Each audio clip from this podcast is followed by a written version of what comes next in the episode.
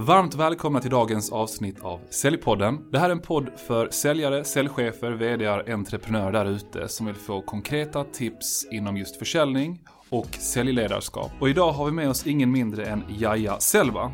Och från att sälja kaffemaskiner till företag på Elgiganten till att bli marketing manager inom Axfood-koncernen, marknadschef på Questback och nu global marknadsdirektör på det börsnoterade företaget Net Insight.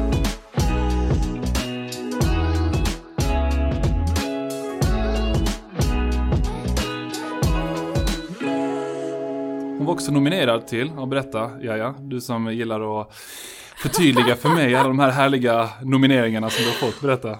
Nej men jag blev eh, nominerad till eh, ett eh, RISE Awards som Ja. det heter, som är en organisation för kvinnor inom det. inom kategorin marketing. Just det, så Yes. att vi har med oss en sann leads-genereringsexpert. Det är därför vi har med Jaja i podden idag. Vi hade ett tidigare avsnitt med en kvinna som heter Lisa Kruse och det blev så populärt och många säljare som är ute efter konkreta tips på både vad säljare kan göra men även säljorganisationen för att förbättra den här tratten egentligen. Så att man inte bara behöver jaga in nya leads själva. Ja. Så att det är därför du är här idag. Höga Spännande. förväntningar på dig. Ja. Gud. Ska, Ja. bli, ska bli jättekul att ha med dig här. Men ja, jag berätta lite grann. Vem är du med dina egna ord? Eh, gud vilken svår fråga. Det är ju nästan en existentiell fråga. Men eh, vem är jag? jag? Alltså jag har, jag brukar köra en så här snabb slogan. Men eh, jag pluggade biomedicin eh, och gick i militärgymnasium. Och sen halkade jag in på marknadsföring för att jag kollade på en serie som heter, eh, gud vad heter den, den här serien när de är marknadsförare i, på... Ah, han där, just det, jag vet vilken du menar. Han är på typ, eh, ja, tidigt. Ja, typ.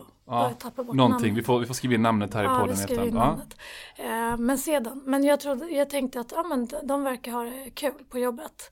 Eh, och därav hamnade jag inom marknadsföring. Så att, eh, det är lite kort om mig, Ja, eh, hur min hjärna funkar. ja. ja bra. Om vi säger så.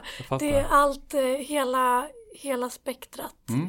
Men marknadsföring har fastnat för. Och du har ju lite bakgrund som säljare också. Ja. Hur tror du att det har hjälpt dig som marknadsförare idag? Nej men alltså jag skulle säga att det viktigaste jag har lärt mig från eh, att vara säljare eh, det är att så länge du kan produkten från alla vinklar så kan du övertala någon att älska den lika mycket som dig själv. Eh, och det är någonting som jag verkligen tagit med mig oavsett bolag jag jobbat på inom marknadsföring att jag själv, eh, hur komplext det än är, har verkligen gett mig tiden att förstå vad är det vi säljer. Eh, ganska på teknisk nivå.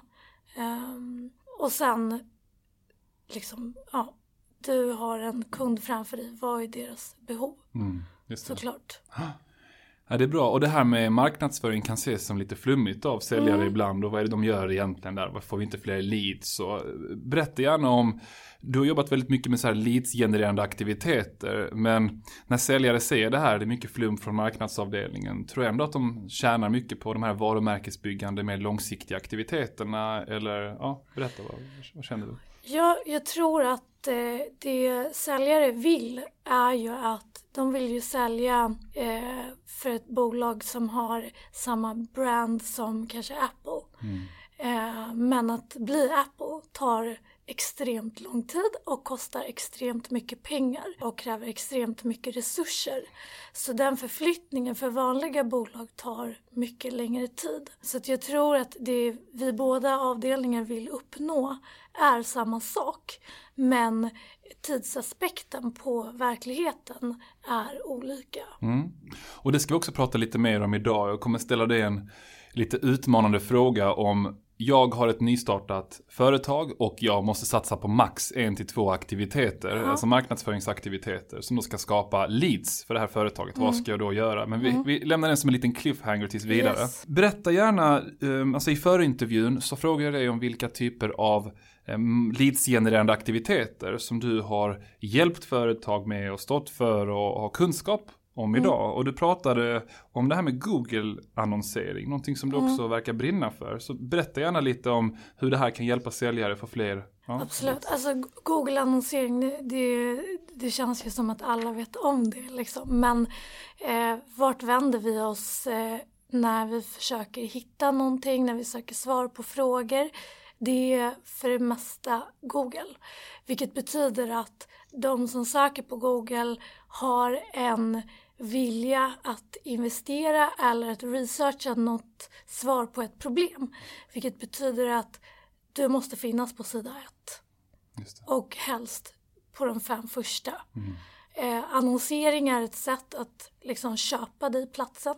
Sen finns liksom sökordsoptimering som är ett sätt att organiskt finnas på eh, plats nummer fem. Mm. Eller plats nummer ett till och med. Eh, men det handlar om att vara där de söker mm. eh, efter information. Mm. Om man nu säger så att en säljare sitter och lyssnar på podden och tänker så här, men jag arbetar ju inte själv med marknadsföringen på företaget. Däremot så kanske jag kan komma med inspiration eller kravställa till vad vår marknadsavdelning gör eller att vi ska ta in någon extern som jobbar med detta. Mm. Har du något konkret så här, tips eller tricks när det kommer till just alltså att marknadsföra sig på Google som du vet funkar extra bra eller någonting man inte ska göra när man gör det som du säger typiskt misstag många gör? Alltså jag tror här igen, alltså gå tillbaka till produkten. Mm. Eh, vad, vad är det vi säljer? Och säljare har ju en extremt bra insikt på vilket problem kunden försöker lösa i realtid. Så att eh, vi har ju till exempel anpassat vår annonsering ganska extremt i år till både persona vilka tre personer är det vi annonserar mot eller försöker eh, hitta eller de hittar oss. Eh, och vad är de här olika orden som de här personerna är intresserade av. För att den eh, i en, i en säljprocess mot komplex B2B så är det mycket fler typer av personer inkopplade i en affär. Vilket betyder att vi kan inte bara annonsera mot det generella ordet som, som man tror sig sökas på utan vi måste eh, gå mot teknikerna, vi måste gå mot eh, de som är beslutsfattare och vi måste gå mot liksom, mm. exec. Eh, för de söker på olika saker. Mm. Och kan man generalisera och säga att folk söker mer på problem eh, eller på lösningar på problem alternativt om man söker mer efter själva lösningen i sig? Alltså det, det, ja. tror igen att det handlar om vem som är sökaren. Okay. Mm. Eh, om du är en högt uppsatt chef så vill du effektivisera, du vill spara på kostnader, eh, du vill inte ta fel beslut. Mm. Du vill inte köpa en stor eller gör en stor investering i fel bolag. Eh, så du kommer söka på någonting annat medan en tekniker är extremt intresserad av hur bra är den här produkten eh, i vår infrastruktur. Eh, så att de två söktermerna mm. är helt olika. Coolt. Men då gäller det att, att marknadsavdelningen tar mycket hjälp av säljarna för ja. att identifiera vad är det för problem de kan ha eller vad är det för personas vi är ute efter ja. och vad kan de tänka söka efter. Precis. Och det här med chattbottar, jag har själg funderat på en chattbot. Jag hade en tjej som var jätteduktig som jobbar på Hello Ebbot som var här och som jag intervjuade för ett bra tag sedan. Och jag frågar dig, vad är din erfarenhet av chattbottar? Jo men alltså jag tycker att det är en extremt, ett, ett extremt bra sätt att fånga upp någon. Eh, speciellt när du har komplexa försäljningar.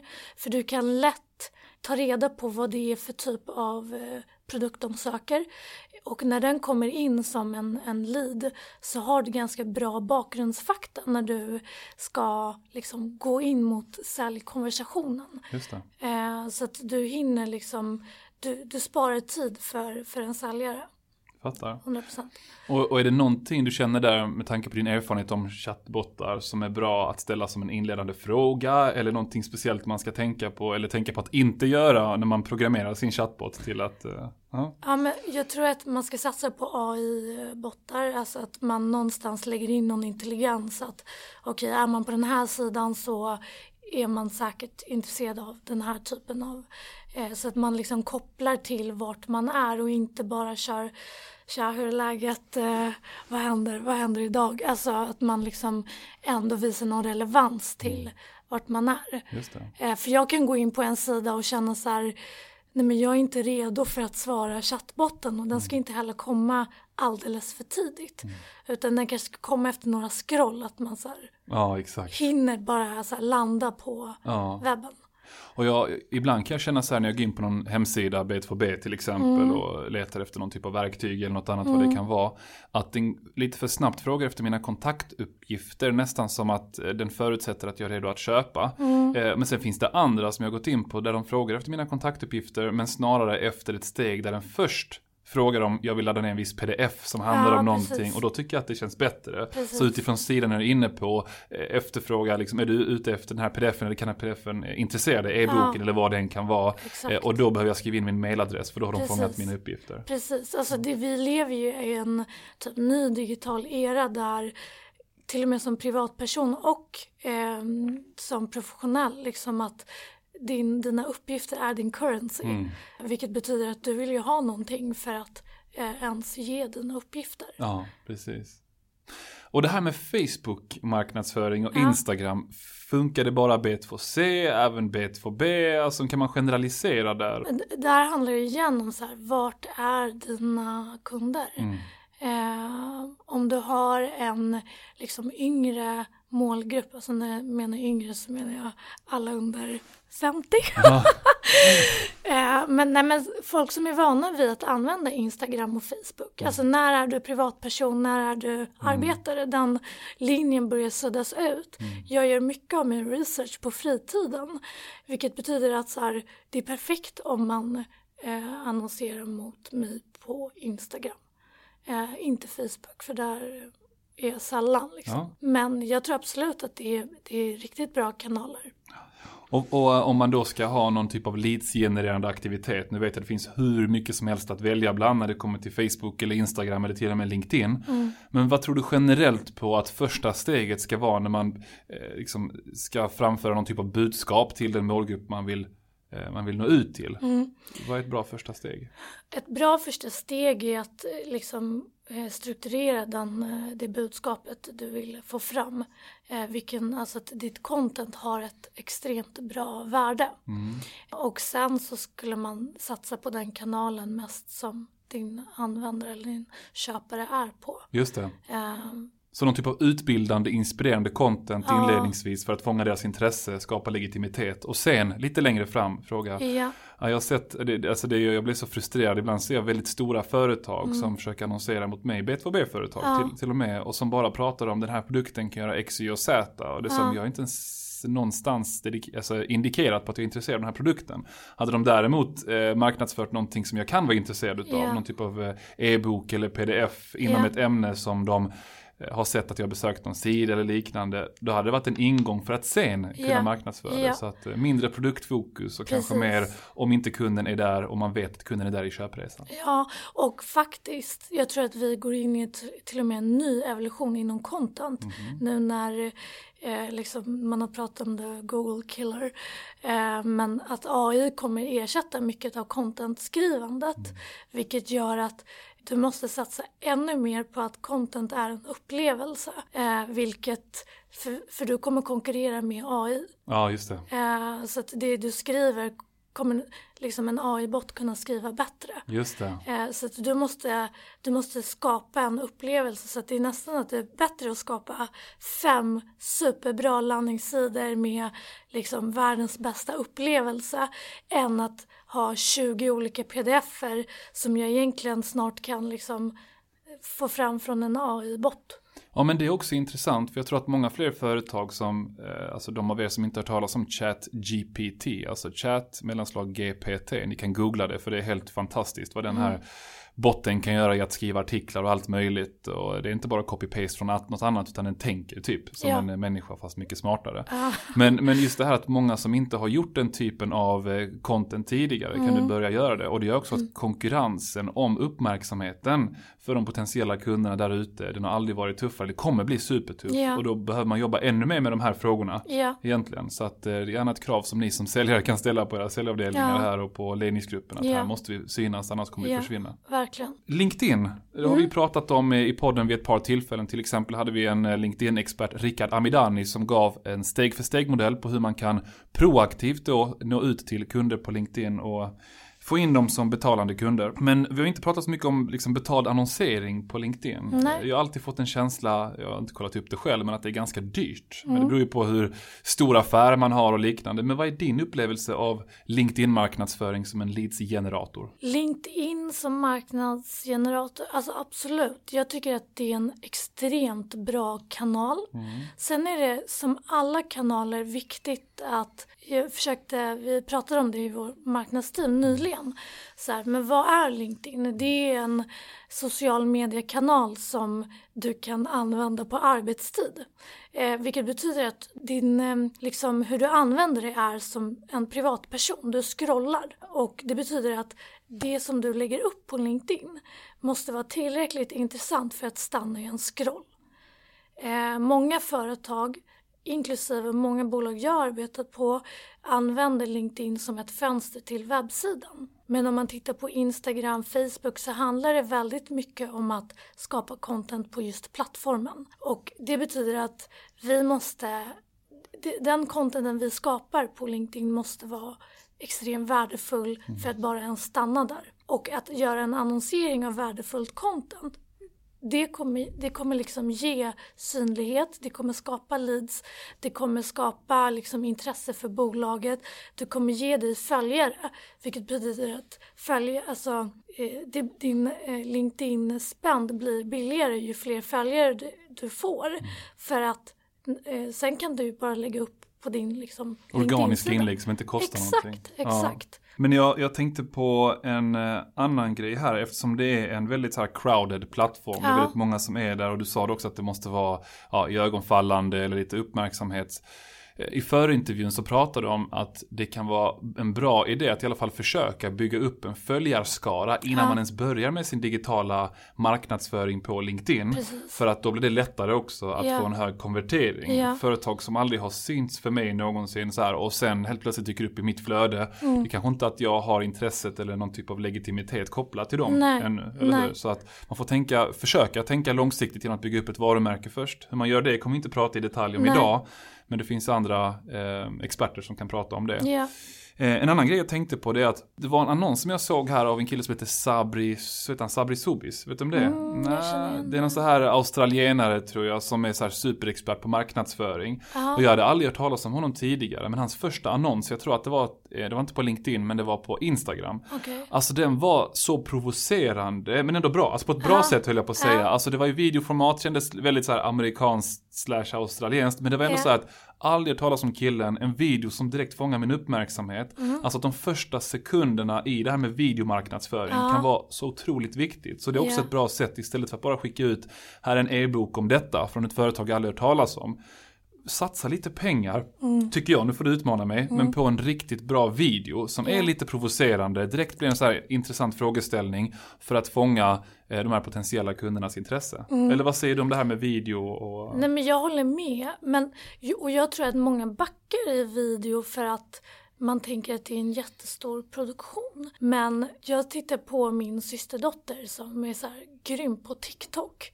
Och så här, hennes videoproduktioner är ibland mycket bättre än de som jag betalar för. Mm. Så att det är nästan så här, okej men det finns liksom ett nytt typ av videoformat där det inte förväntas liksom Nike quality utan det ska bara vara intressant, snabbt och liksom ögonfallande.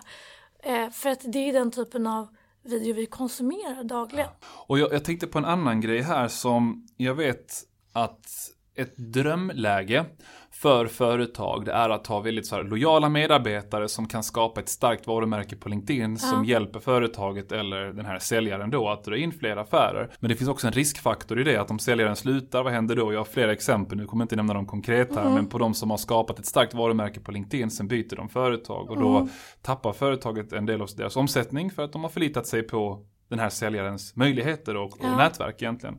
Men tror du ändå på att göra folk till influencers internt? Ja, hundra procent. Och jag tror att det här att, att eh, en säljare är en liksom influencer eh, och jobbar med social selling. Det kommer vara en del av liksom säljares arbetsbeskrivningar Mm. om det inte redan är det. Just det. Eh, så det tror jag absolut är liksom Och vissa säger så här, men vadå, vi har ju en företags, ett företagskonto på LinkedIn. Men det vet ju både du och jag, Jaja, att om någon lägger upp någonting från ett företagskonto så känns det mer opersonligt. Vilket Ja. gör att jag tror att engagemanget är, vad är det, minst, eh, eller, eller högst hälften så högt eh, i genomsnitt på någon som lägger ut någonting från ett företagskonto som har Ja. lika många följare som någon som lägger ut eh, från ett privatkonto Ja. på LinkedIn. Och därför är det här med influencers rätt viktigt att, att fokusera på framåt. Dagens huvudsponsor är ingen mindre än Mindit, the House of Sales. Mindit är specialister på säljutveckling och säljutbildning inom business to business försäljning. Och de erbjuder anpassade upplägg och öppna kurser för både säljare och säljchefer. Så blir du nyfiken på Mindit, spana in deras hemsida för mer information, mindit.se.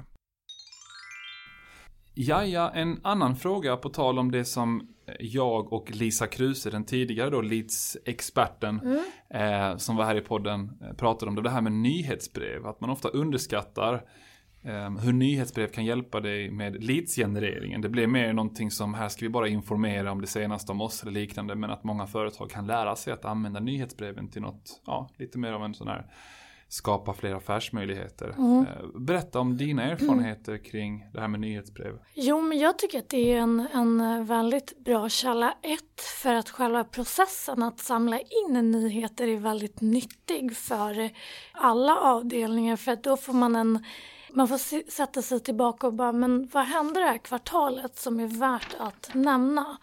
Eh, som kommer eh, hjälpa oss för kvartalen framåt. Så just den här lilla reflekteringen som bolagen går igenom när man skapar ett eh, nyhetsbrev tycker jag är, är viktig. Och ju oftare man gör den här reflektionen desto fler nyheter kommer man hitta som, som gynnar. Sen är det alltid liksom data är superviktigt. Nyhetsbrev kan hjälpa dig se så här, men vart, vart klickar folk? Vilken av länkarna fick eh, mest klicks? Vart stannar man? Så man kan ju skapa sådana heatmaps så man ser vart eh, ögonen fastnar lite och det är väldigt intressant eh, att, se.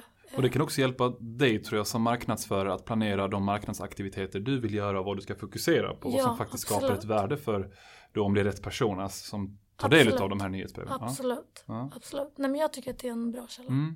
Men det finns en annan grej också. Jag eh, jobbade eh, nyligen med ett företag, eller jobbar fortfarande med dem, men de har ett större säljteam, eller större, de har ju 18 eh, personer runt om Mm. hela Norden.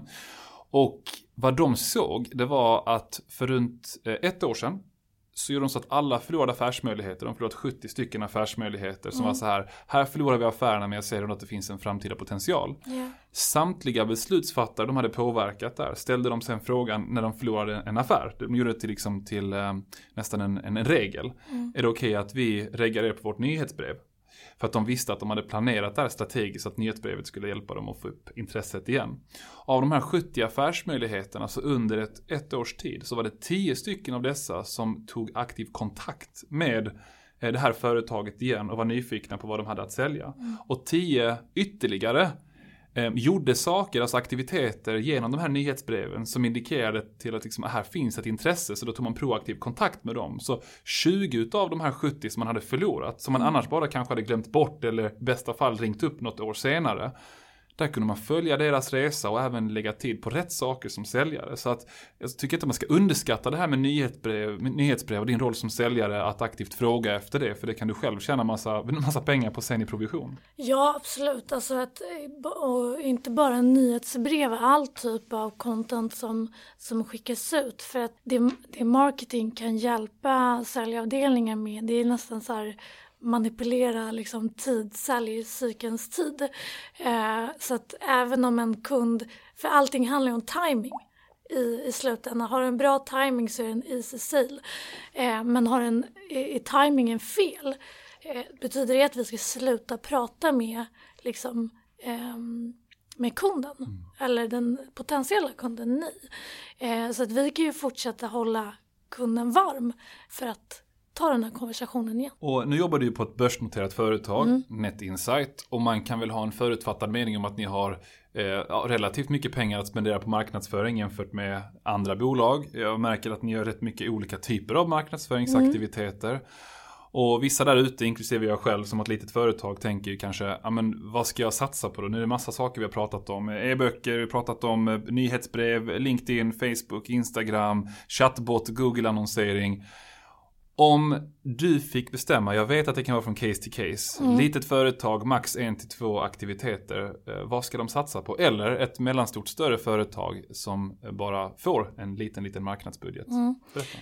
Eh, jag skulle absolut eh, satsa på eh, annonsering på Google. Mm -hmm. för att det gör att du kan till och med geografiskt bestämma vart dina annonser ska visas, vilken tid de ska visas. Så att har du koll på din kundbas som du vill nå så kan du på ett väldigt enkelt sätt hitta dem där de är. Mm. Eh, och det är en stor, stor fördel. Du behöver inte gå ut till den här jättestora massan heller för att många ser Google annonsering som någonting dyrt. Eh, men du kan faktiskt anpassa din, din spänd mm. väldigt enkelt. Och så fort någonting funkar så finns det enkla verktyg och också så här, okay, kopiera det som funkade bra och skala upp det.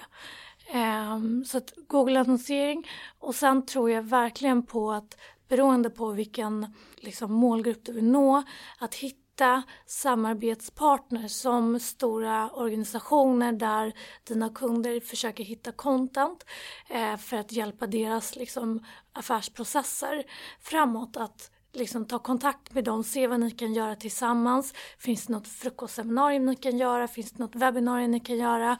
Eh, synas i deras nätverk, ge dem tillgång till ert nätverk.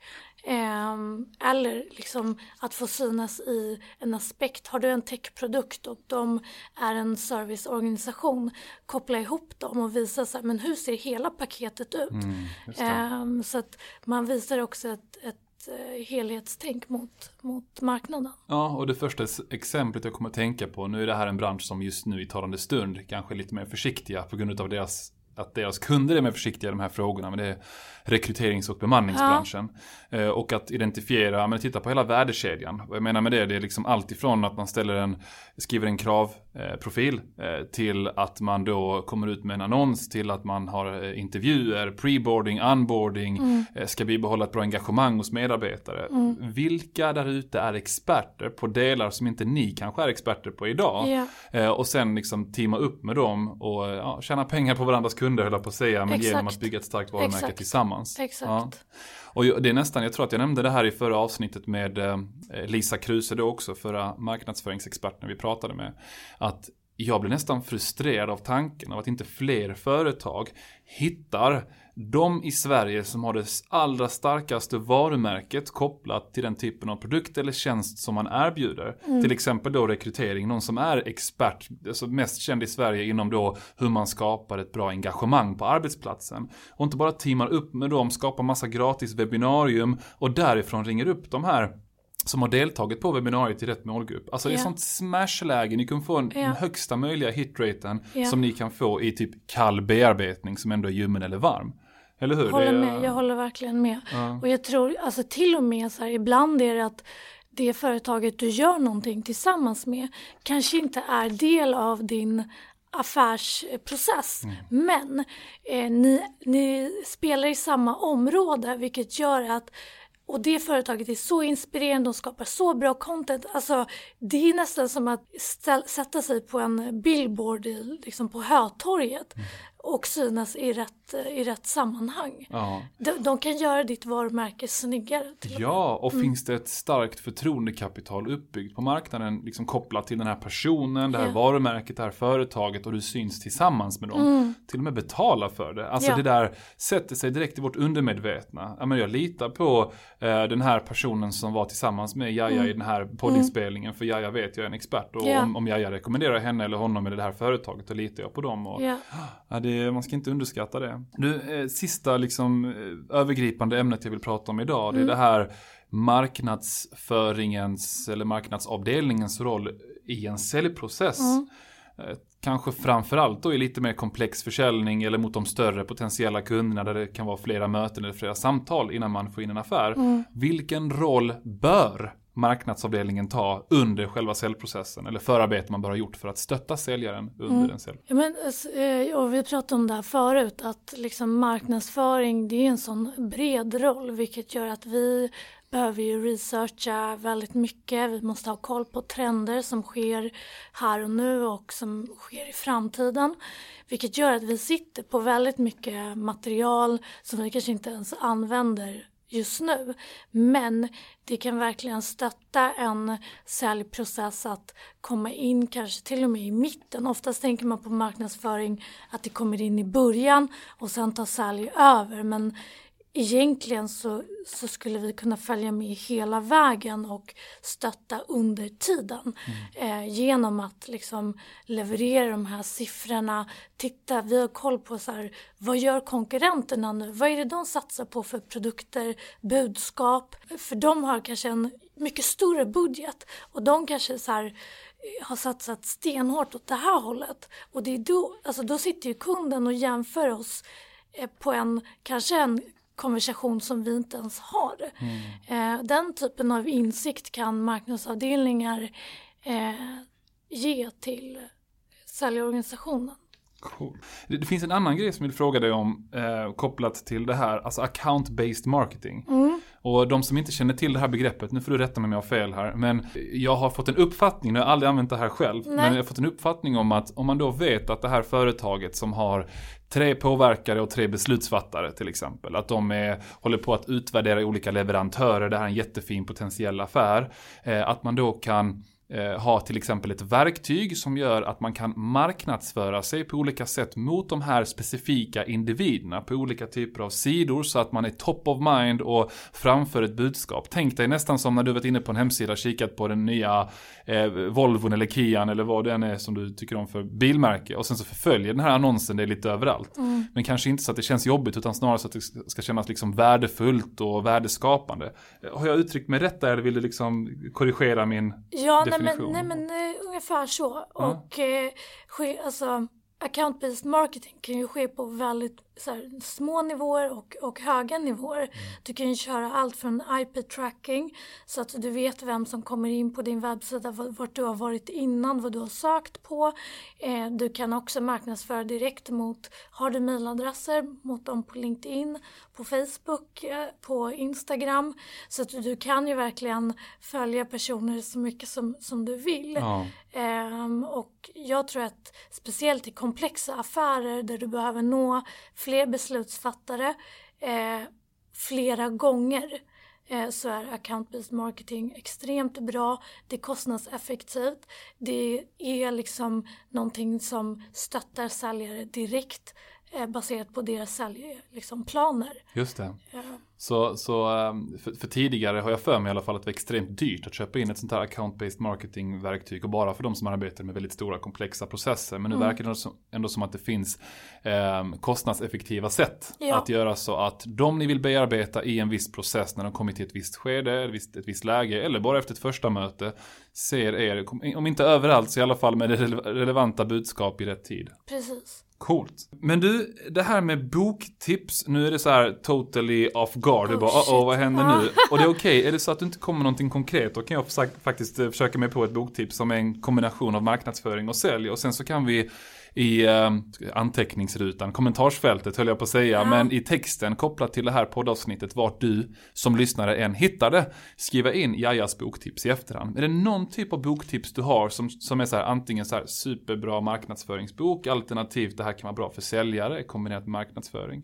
Alltså tyvärr är jag en sån här som läser allt annat än lärande böcker. Alltså Aha. jag läser ju inga så här utvecklingsböcker utan jag är så här romaner. Ja, jag fattar.